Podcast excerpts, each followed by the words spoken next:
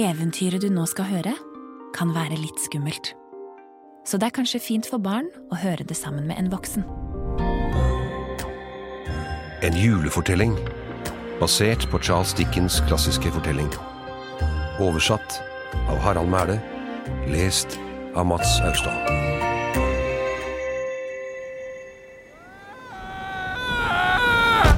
Scrooge traff gulvet i soverommet. Han kom seg opp og vaklet bort til sengen med verkende hode. Men like etter hørte han et høyt klunk. Det lignet klokkeslaget som hadde varslet om den første ånden. Det måtte være ånd nummer to. Scrooge prøvde å gjemme seg under sengeklærne, men med et kraftig rykk seilte plutselig sengen tvers over gulvet. Den bråstoppet i døråpningen, så han ble slengt av på terskelen til stuen.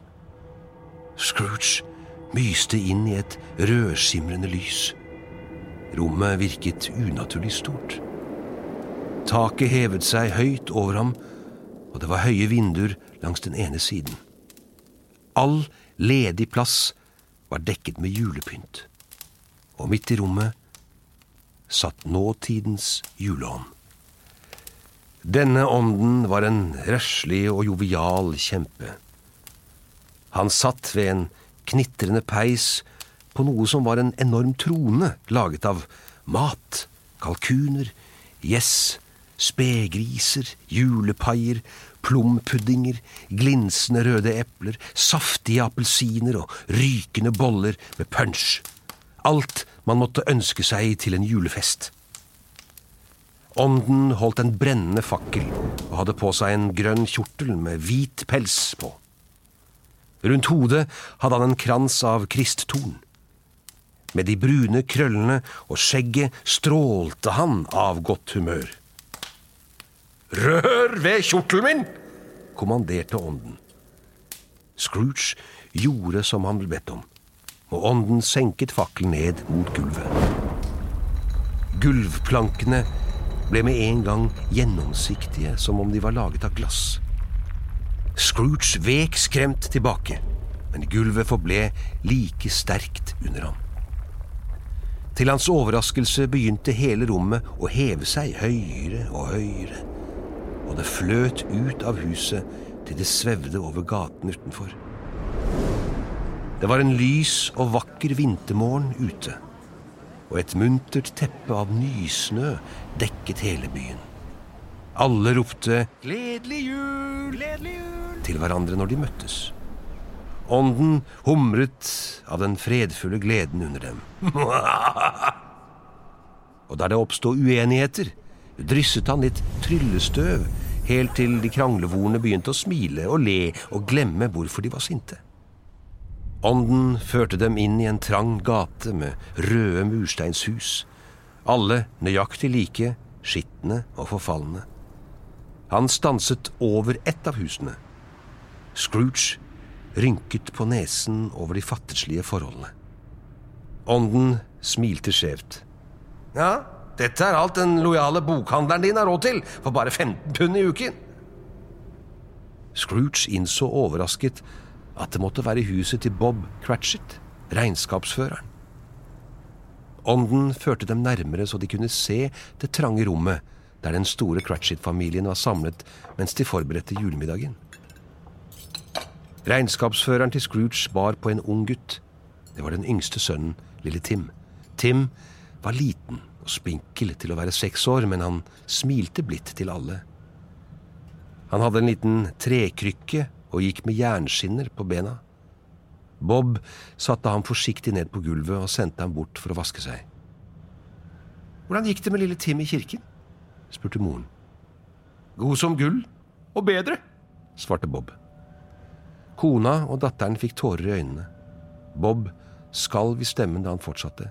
Jeg Jeg tror han vokser seg sterkere og sunnere for hver dag, min kjære.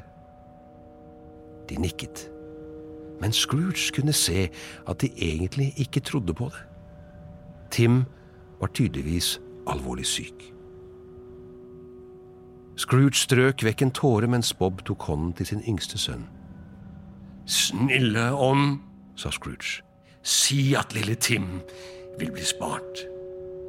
Hvis de skyggene forblir uendret i fremtiden, sa ånden, vil barnet dø? Scrooge var for rystet til å snakke mens rommet deres sakte steg opp fra Cratchit-huset, og nåtidens juleånd førte dem bort. Til slutt senket ånden dem ned over en stue Scrooge hadde sett før. Det var hjemmet til hans nevø Fred. Han og kona og et halvt dusin venner moret seg med en gjettelek de kalte Ja og nei. Tenker du på noe fra dyreverden? sa Freds venn Topper. Ja, ja, ja, ja, sa Fred. Er det, er det et usympatisk dyr, da? spurte kona til Fred. Ja. ja som holder til i London? sa en annen gjest. Ja, sa Fred. Ja, en hest, gjettet en. En ku? hetet en annen. Nei, svarte Fred og ristet på hodet. Jeg, jeg, jeg, jeg vet hva det er, Fred! ropte svigerinnen hans. Så klart, det er jo din onkel Scrooge! Ja! ropte Fred, og alle begynte å le. Scrooge forsøkte å se bort, men ånden tvang ham til å følge med. Ja, jeg syns synd på ham, sa Fred. Hvem er det som lider av de syke tankene hans? Det er bare han selv. Han har bestemt seg for ikke å like oss og vil ikke komme og spise middag med oss. Og hva er konsekvensen? Jo, han går glipp av en middag. Ja, han går glipp av en meget god middag, forkynte hans kone og fikk de andre til å le enda en gang. Han har iallfall gitt oss mye å le av, det er sikkert, sa Fred og hevet glasset. Og det ville være utakknemlig å ikke skåle for ham. Måtte han få en gledelig jul! Skål for onkel Scrooge! Middagsscenen forsvant idet alle løftet glassene sine. Og Scrooge og ånden var plutselig inne i et gigantisk urverk. Rundt dem var det fullt av enorme tannhjul og motvekter som beveget seg.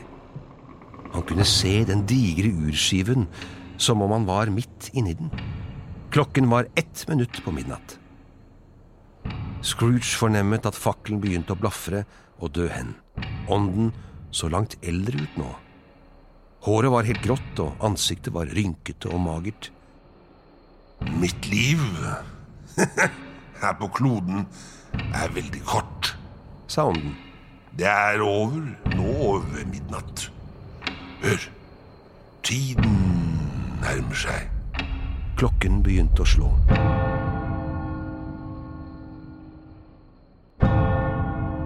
Hvert slag ga skjelvende gjengklang i huset. Scrooge tviholdt for ørene og så skrekkslagent på hvordan nåtidens juleånd ble til glitrende støv. Støvet ble ført vekk av en spøkelsesaktig vind, og Scrooge sto alene igjen i det mørke soverommet. Du har nå hørt tredje del av En julefortelling.